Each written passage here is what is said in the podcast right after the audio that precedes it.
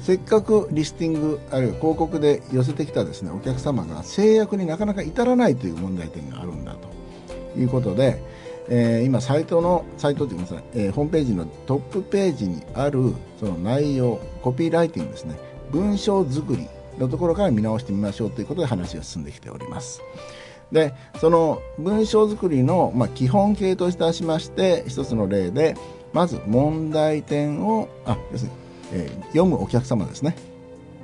お客様になってほしい。見込み客の方読んでもらうわけですけどその方の問題点を指摘してあげてください。でこれ問題点っていうのはあんまり脅す必要ないですからえそんなことやってたら大変なことになりますよっていう意味じゃなくてえこんなことありませんか？ちょっとしたこんな、え、気持ちになったことありませんか？っていうような共感を得るですね。あのよく心理学上でラポールっていうんですかね。共感ラポール、そういうのを気づくためのものださ。で問題点それから喜ぶであろうことをちょっと刺激してあげる。で2番目に、えー、炙りたてアジテーションですけども、えー、私もこんなことがありましたとかあるいはこういうお声をよきよく聞きますとか、えー、そういうところを刺激してあげてください。その後解決策。そんな方にぜひおすすめのものがございます。そちらはこの、えー、マイベイビー抱っこしてなんです。ということでこれは実は生まれた時の、えー、赤ちゃんの体重をそのままお米の重さとして、えー、お送りするプレゼント品でございますということです。で、その解決策で、4番目に今度証拠が来ます。証拠証拠というのはなぜ解決できるかの証拠ですね。え実際にご覧になってください。実は、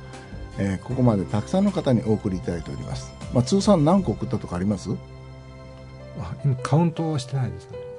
あ、はい、まあそういう数字が出れば数字は分かりやすいので、はい、えー、何何個じゃなくても何名様にご利用いただきましたという意味ですね数増えれば増えるほどね力が出ますのでね。で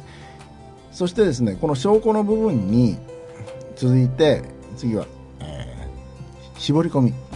ただしこんなにいい商品なんですけどこういうお客様には向きません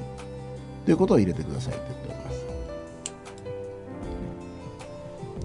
はい、それをですね、まあ、ホームページ制作屋さんの方できちんとそういうきちんとしたコンテンツ要するに中身ですね情報を準備してきちんと置いてもらうことに、えー、構成してもらうことになりますね。そのそれぞれがちょっとパワーが弱いとどうしてもそのお客様に対するこう訴求力といいますか訴える力がなくなって少なくなると。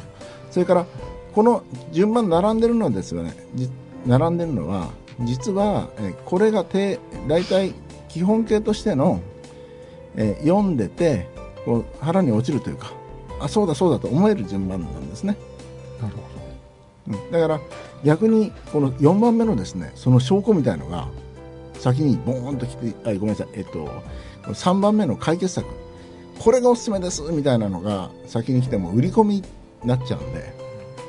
売り込みじゃなくてこの共感する部分を作るっていうのが大切なので問題点を定義する。さあこのでですねえー、っとちょっと質問で4番目のですねところに私たちの会社はこういう姿勢で、えー、商売してますからご安心ですとかそれから私たちの会社はこういう、えー、実績がありますので大丈夫ですよとかいうものをもっとしっかりと訴えたい。会社の強みですね。訴えたいのでこれを導き出したいんですけど梶谷さんのところはこの会社の強みお店としての強みって何かあると思います？あの個人商店ですので、うん、その大手にはできないことっていうか、うん。うん、やはり自分自身が一番の売りにしないといけないんじゃないかなというふうには思ってますけど自分自身を売りに、はい、自分自身の売りっていうのはどの辺でしょうか？難しい。そう言われると難しいですね。そうですね、はい、えそれを、えーと、しっかりと導き出せるための、えー、質問が欲しいところですが。ではですね、えー、既存のお客様はなぜ鍛冶屋のお米鍛冶屋さんのところのお店から買ってくれてるんでしょうか？既存のお客様は数あるお店の中からなぜうちを選んでくれてるんでしょうか？それは通販ということです。それとも全体的なことですか？全体的なことでいいですよ。正直言ってまあ一番近いからっていうのが一番強いんじゃないかなと思うんです、近いから。はい、じゃあ通販の方では？通販の方では。えー、何なんでしょうね。今まで買ってくださった、えーこの少なくとも何人かはそのネットを通じて、はい。このマイベイビー抱っこしてを買った方がいらっしゃるんですね、はい。でその方は何と言われてますか？他のサイトに比べ商品に比べてすごく可愛いっていうふうにおっしゃってくれてます。わかりました。他には？そうですね。あと早いっていうことですね。早い。はい。納期っていう。ね買った後はですか？これは買う前にそういう判断をされたということでよろしいんでしょうかね。そうですね。あの一応サイ、えーおお客様の作品とか、えー納期がどれぐらいというかいう形で出してまして、はい。えーじゃあこれは商品ということになると思うんですが会社に対する信頼性みたいなのはありませんでした？そそういった声は聞いてないですしあの会社自体はう出してないですね。そう言われれば。会社は出してない。はいだからお客様お客様から、えーしんえーえー出してないからお客様からの信頼が薄いっていうことも考えられるわけですよね。なるどこの店か分かんない。実店舗がせっかくあるのにそれを出してない。うんでこの実店舗ではこういう運営をしてますよ。で私どものお父さんお母さんそれから兄弟で、えー家族で運営しています。っていうことも出してもいいかもしれないですね。なるほそれ出してないのに理由はあるんですか？どそこまで気が回らなかったですね。あのし商品さえこうきちっと見せればいいかなという感じだったですね。はい。えーっとですね、えーそれでは、えー今の質問で既存客はなぜ、えーうちの商品から買ってくれてるのか。これは会社店の、えー強み売りになります。なりますねで商品の強みっていうのは今ちょっと出てきましたけど要するによそよりも早く届きます。それからよそよりも可愛いと言われてる。これは商品の売りですね。はい。えこの辺をですねしっかり分けられてこの3分の解決策を見せるときにはとっても可愛い。それから今すぐ届けたい。みたいな、えーところがしっかりと解決できますよということを訴えてあげればいいと思います。ということは最初に問題点のところで、えー喜ばれる可愛らしい、えーしかもお米ですから。ね。食べるわけですから、はい。ね、えーそういうやっぱり食べてもらえなんていうかな。日頃もらって嬉し役に立つというか嬉しいっていうか何ですかね、えー使えるもの、うん、っていうのはすごい訴えるべきところだなと思いますので。結構あのお米って差し上げるの方は時は抵抗があるみたいなんですけども、うんもらった人はお米すごく喜ばれるんですよね。うんあのそうですえね。経済的にもね、はいその辺ギャップが やややる時の、えー感覚ともらう時の感覚が全然違うという、うんそこら辺もすきちっとやっぱり歌っていかないといけないですかね。で、えーっと多分ですね、えー、梶谷さんの場合は例えば九州産のお米もやってるということで、しかもお米マイスターっていうその資格も以前持ってたということで、それ返納したらしいんですけど、これはそれは珍しマイスターの方あの鑑定士の方ですね。い 鑑定士はい鑑定士の方。もうそういうのも珍しいんですけど、まあ、どういう意味か意味は分かりませんが。あまあそういうぐらいの実力をお持ちであるお米屋さんなんですね。でこだわりもあると。だから、えーこのあのマイベイビー抱っこしてというのは本当に私